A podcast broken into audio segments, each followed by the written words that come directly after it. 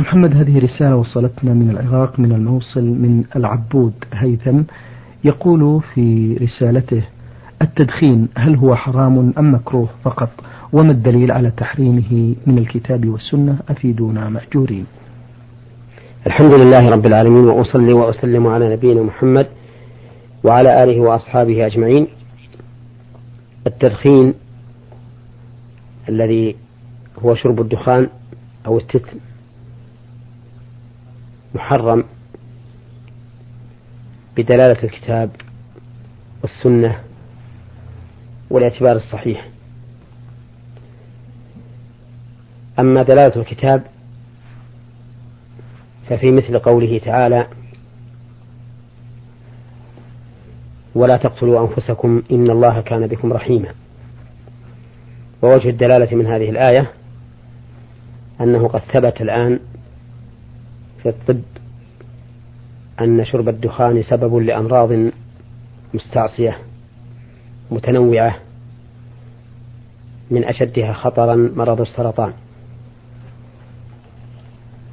وإذا كان سببا لهذه الأمراض فإن الأمراض كما هو معلوم تفتك بالأبدان وربما تؤدي إلى الموت فتكون فيكون كل سبب لهذه الأمراض محرما. ومن أدلة الكتاب قوله تعالى ولا تؤتوا السفهاء أموالكم التي جعل الله لكم قياما. ووجه الدلالة من الآية أن الله نهانا أن نعطي السفهاء وهم الذين لا يحسنون التصرف في أموالهم أن نعطيهم هذه الأموال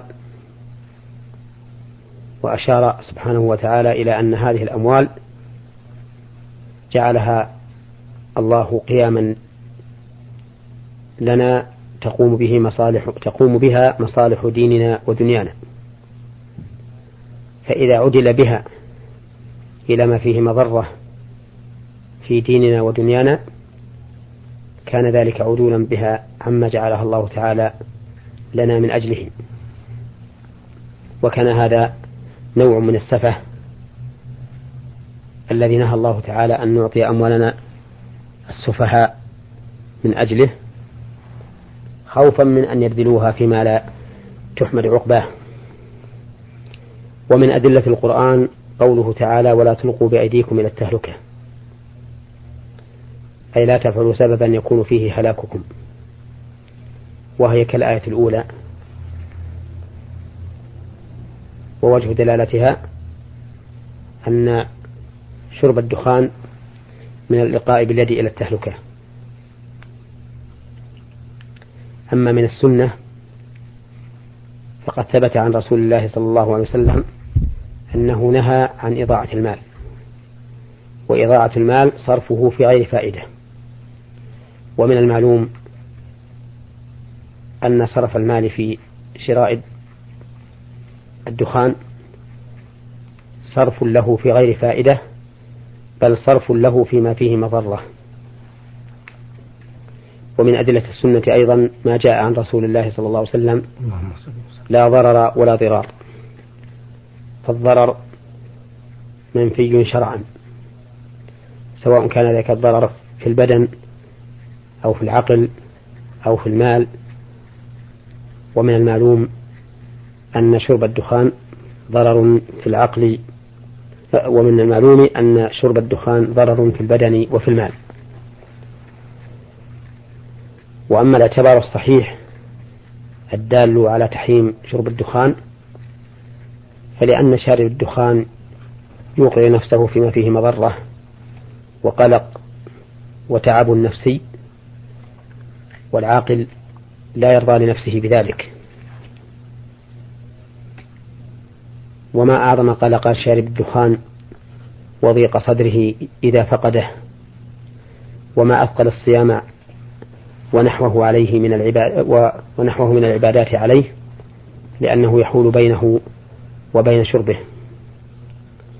بل ما أثقل المجالسة للصالحين الذين لا يمكنه أن يشرب الدخان الدخان أمامهم فإنك تجده قلقا من الجلوس معهم ومن مصاحبتهم. وكل هذه الاعتبارات تدل على أن شرب الدخان محرم.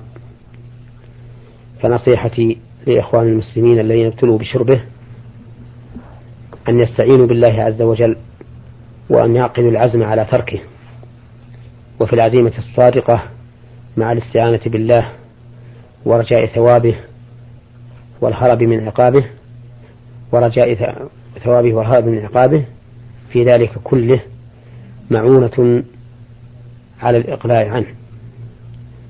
ومن المعونة على الإقلاع عنه أن يبعد الإنسان عن الجلوس مع شاربيه حتى لا تسول له نفسه أن يشربه معهم. وسيجد الإنسان بحول الله من تركه نشاطا في جسمه وحيوية لا يجدها حين شربه له. فإن قال قائل إننا لا نجد النص في كتاب الله أو سنة رسوله على شرب الدخان بعينه. فالجواب أن يقال إن نصوص الكتاب والسنة على نوعين. نوع تكون أدلة عامة كالضوابط والقواعد التي يدخل تحتها جزئيات كثيرة إلى يوم القيامة. ونوع آخر تكون دالة على الشيء بعينه. مثال الأول ما أشرنا إليه من الآيات والحديثين التي تدل بعموماتها على شرب الدخان. وإن لم ينص عليه بعينه. ومثال الثاني قوله تعالى حرمت عليكم الميت والدم ولحم الخنزير وما أهل لغير الله به. وقوله تعالى يا أيها الذين آمنوا إنما الخمر والميسر والأنصاب والأزلام رجس من عمل الشيطان. وسواء كانت النصوص من النوع الأول أو من النوع الثاني فإنها ملزمة لعباد الله بما تقتضيه من الدلالة. نعم. أيضا يسأل ويقول هل يجوز آه، الفاتحة؟ هل يجوز قراءتها على الموتى؟ وهل تصل إليهم؟ أفيدونا وفقكم الله. الجواب قراءة الفاتحة على الموتى لا أعلم فيها. نصا من السنة. وعلى هذا فلا تقرأ لأن الأصل في العبادات الحظر والمنع حتى يقوم دليل على ثبوتها وأنها من شرع الله عز وجل. ودليل ذلك أن الله أنكر على من شرعوا في دين الله ما لم يأذن به الله. فقال تعالى أم لهم شركاء شرعوا لهم من الدين ما لم يأذن به الله. وثبت عن النبي صلى الله عليه وسلم أنه قال من عمل عملا ليس عليه أمرنا فهو رد. وإذا كان مردودا كان باطلا وعبثا ينزه الله عز وجل أن يتقرب به إليه. وأما استئجار قارئ يقرأ القرآن ليكون ثوابه للميت فإنه حرام. ولا يصح أخذ الأجرة على قراءة القرآن. ومن أخذ أجرة على قراءة القرآن فهو آثم ولا ثواب له لأن القرآن عبادة ولا يجوز أن تكون العبادة وسيلة إلى شيء من الدنيا. قال الله تعالى من كان يريد الحياة الدنيا وزينتها نوفي إليهم أعمالهم فيها وهم فيها لا يبخسون. أولئك الذين ليس لهم في الآخرة إلا النار وحبط ما صنعوا فيها. وباطل ما كانوا يعملون. وإذا كان هذا القارئ آثما فلا ثواب له. وإذا لم يكن له ثواب فإنه لن يصل الميت إليه لن يصل الميت من قراءته شيء. لأن وصول الثواب إلى الميت فرع عن ثبوته لهذا القارئ. ولا ثواب لهذا القارئ فلا يصل إلى الميت شيء من الثواب. وعلى هذا فيكون استئجار هؤلاء القراء إثما ومعصية وإضاعة للمال وإضاعة للوقت ونصيحة لإخواني الذين ابتلوا بهذا أن يقلعوا عنه وأن يتوبوا إلى الله تعالى منه وأن يستعيضوا عنه بما دلت عليه النصوص من الدعاء للميت. فقد ثبت في الحديث الصحيح الذي رواه مسلم عن أبي هريرة رضي الله عنه أن النبي صلى الله عليه وسلم قال إذا مات الإنسان انقطع عمله إلا من ثلاثة إلا من صدقة جارية أو علم ينتفع به أو ولد صالح يدعو له. فإذا أراد الإنسان أن ينفع ميته بشيء فليكثر من الدعاء له ولا سيما في أوقات الإجابة كآخر الليل وحال السجود وحال السجود وبين الأذان والإقامة. ومن تمشى على شريعة الله ونبذ البدع في دين الله نال خيرا كثيرا. نعم. هذه رسالة من آه، مصري رمز لاسمه بألف ميم عين يقول في رسالته عندما نجلس أنا ومجموعة من الأصدقاء في مطعم وأريد أن أدفع الحساب يقوم أحدهم ليدفع الحساب.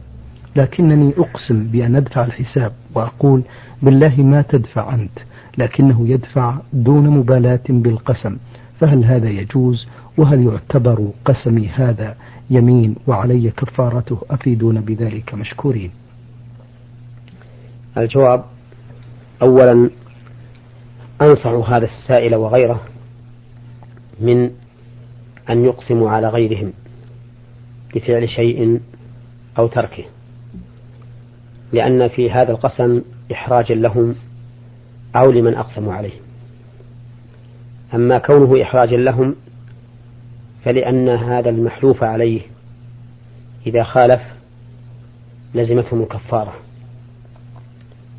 وأما كونه إحراجا لمن حلفوا عليه فلأنه قد يفعل ذلك مع المشقة وربما مع المشقة والضرر مجاملة لهؤلاء الذين أقسموا عليه لهذا الذي أقسم عليه. مجاملة لهذا الذي أقسم عليه. وفي ذلك من الإحراج والإعنات ما فيه.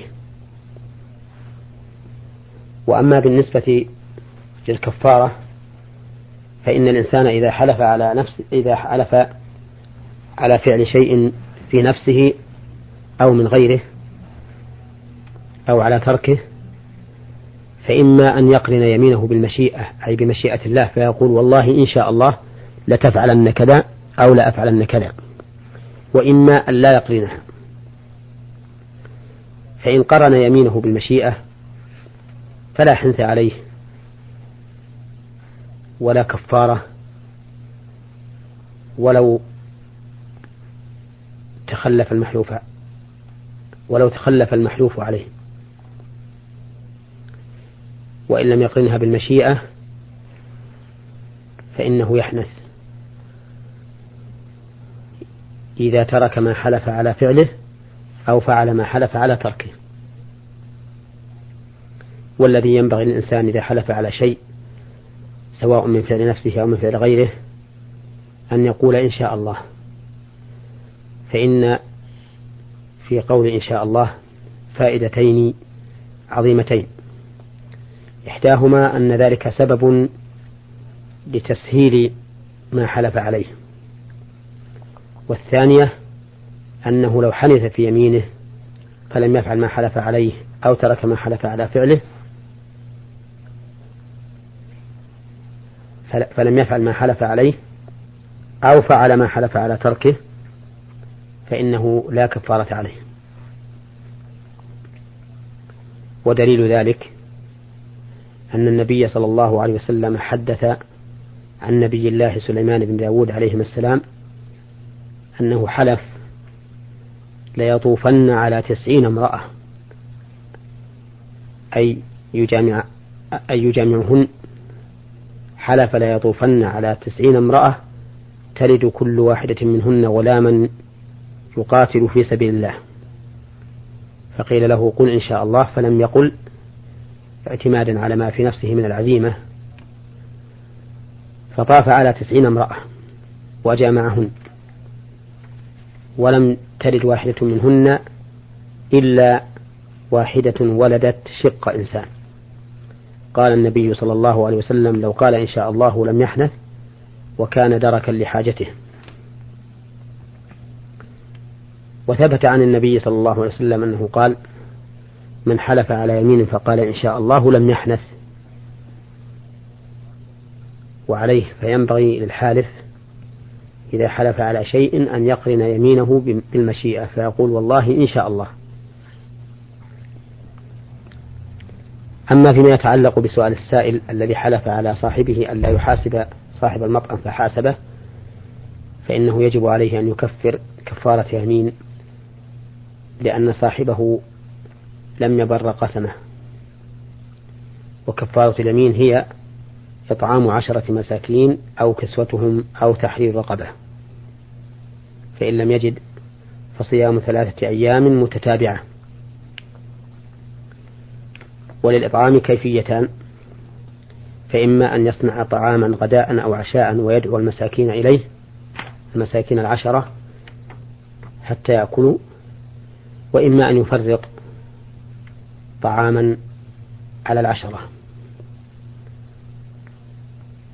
ومقداره بالرز ست كيلو. فإذا وجد بيتا فيه عشرة أنفار وأعطاهم هذا المقدار من الرز وجعل معه إداما من لحم أو غيره كان ذلك كافيا في الإطعام. فإن لم يجد بأن لم يكن عنده ما يطعم منه أو لم يجد أحدا يطعمهم أو يكسوهم لكون البلد بلد غنى فإنه في هذه الحال يصوم ثلاثة أيام متتابعة. نعم. أيضا آه، في سؤاله الأخير يقول لقد كان لي صديق عزيز لكنه انتقل إلى رحمة الله تعالى. وبعد أن توفي رحمه الله قطعت عهدا على نفسي بأن لا أذهب إلى بيت أهله وأقسمت على ذلك. لكنني بعد إلحاح من أهله وجدت نفسي مضطرا للذهاب إليهم مرة واحدة وبعدها قررت ألا أذهب أبدا. فهل علي كفارة لما فعلت؟ وهل يجوز لي أن أذهب إليهم؟ أفيدوني جزاكم الله خيرا. الجواب تضمن سؤاله كلمة أحب أن أنبه عليها وهي قوله انتقل إلى رحمة الله. وهذه الكلمة لها وجهان. الوجه الأول أن يكون جازما بأن هذا الرجل انتقل إلى رحمة الله. والوجه الثاني أن يكون راجيا أن يكون هذا الرجل انتقل إلى رحمة الله. نعم.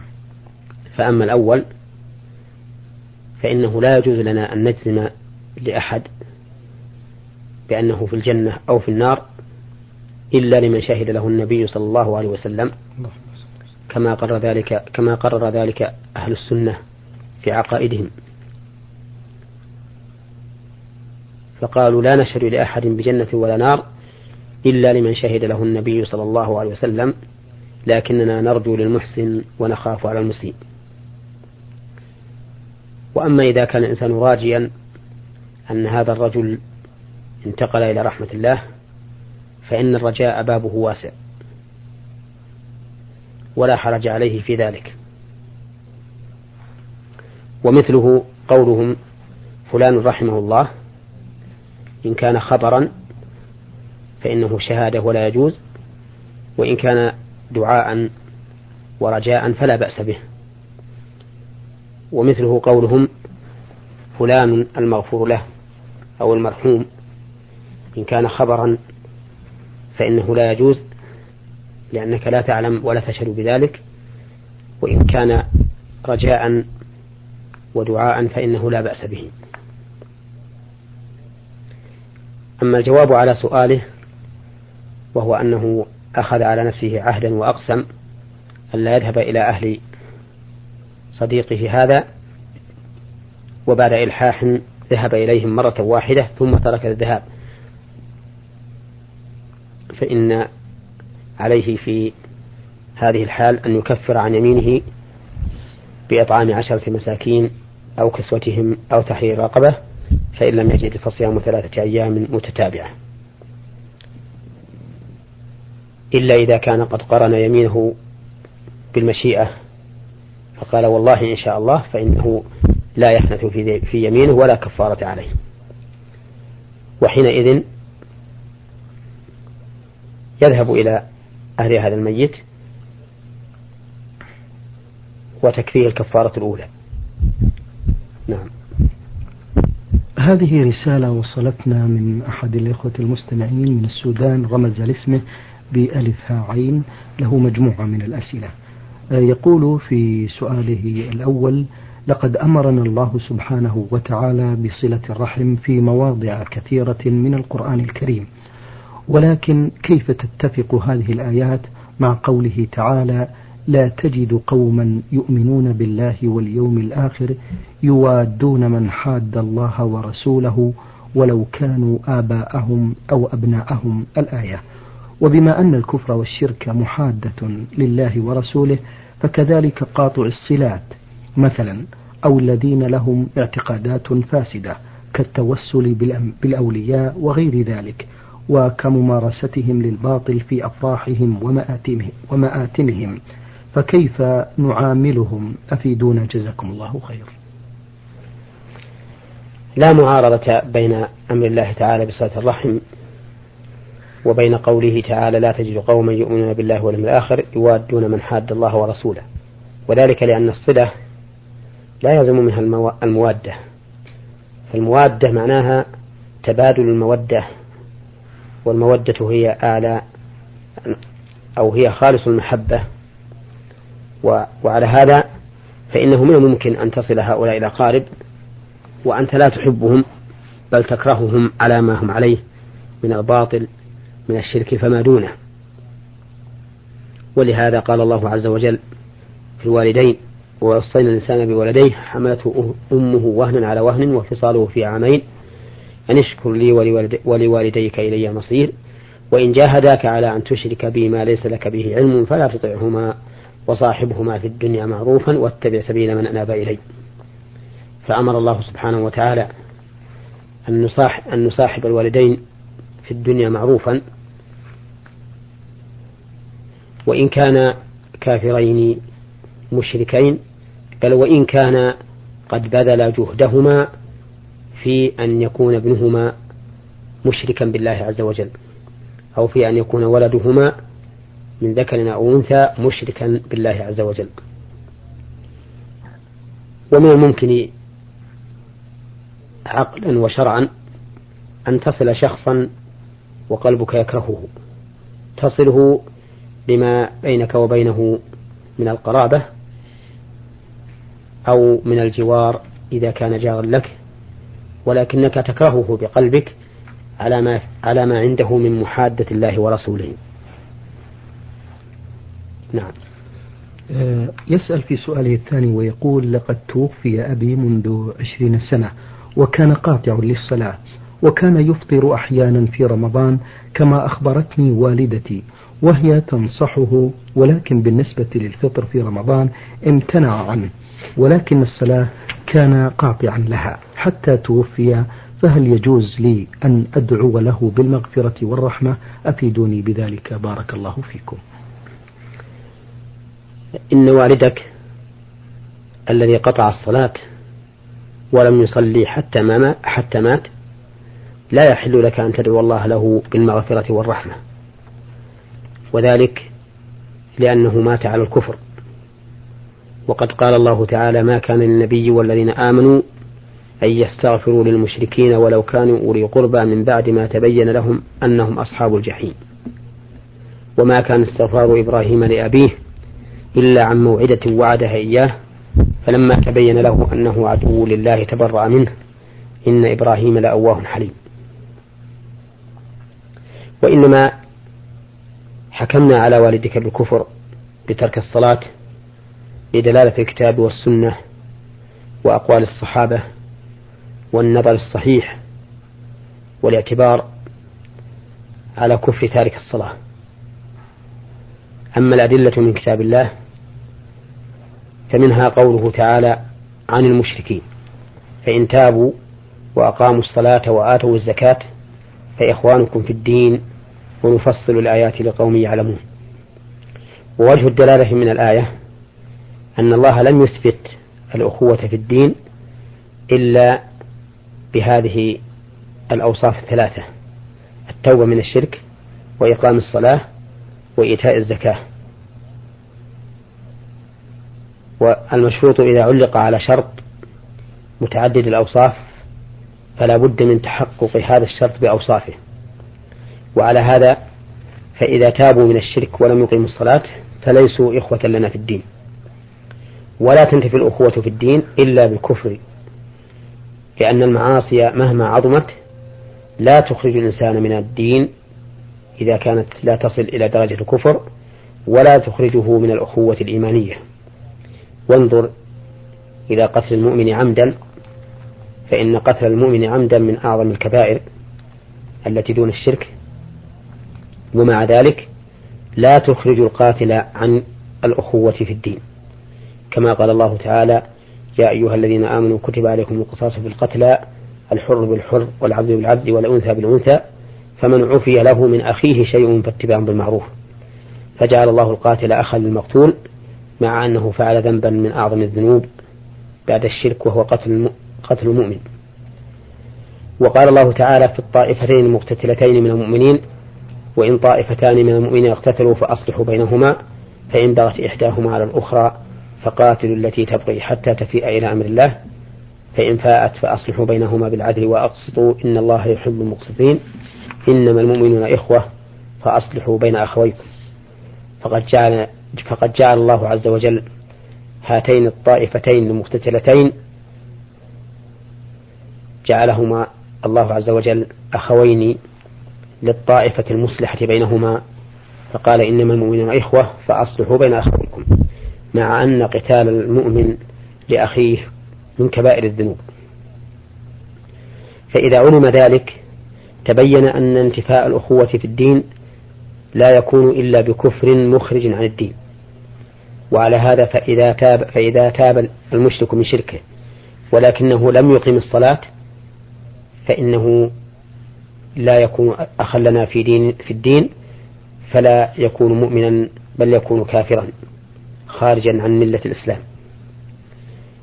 فإن قلت ينتقض عليك هذا بإيتاء الزكاة فهل تقول إن من لم يزكي يكون كافرا خارجا عن الملة فالجواب أن بعض أهل العلم قال بذلك. وقال إن من ترك الزكاة متهاونا بها كفر وخرج عن الملة ولكن القول الراجح أنه لا يكفر بدليل حديث أبي هريرة الثابت في صحيح مسلم أنه أن النبي صلى الله عليه وسلم قال ما من صاحب ذهب ولا فضة لا يؤدي منها حقها إلا إذا كان يوم القيامة صفحت له صفائح من نار وأحمي عليها في نار جهنم فيكى بها جنبه وجبينه وظهره كلما بردت أعيدت في يوم كان مقداره خمسين ألف سنة حتى يقضى بين العباد ثم يرى سبيله إما إلى الجنة وإما إلى النار. وكونه يمكن أن يرى سبيلا له إلى الجنة يدل على أنه ليس بكافر إذ أن الكافر لا يمكن أن يرى سبيلا له إلى الجنة. وبهذا يكون إيتاء الزكاة التي تدل الآية بمفهومها على أنه شرط للأخوة في الدين يكون معارضا بمنطوق الحديث وقد علم من قواعد الأصول أن المنطوق مقدم على المفهوم. وسنذكر بقية الأدلة في حلقة قادمة إن شاء الله. شكر الله لكم فضيلة الشيخ.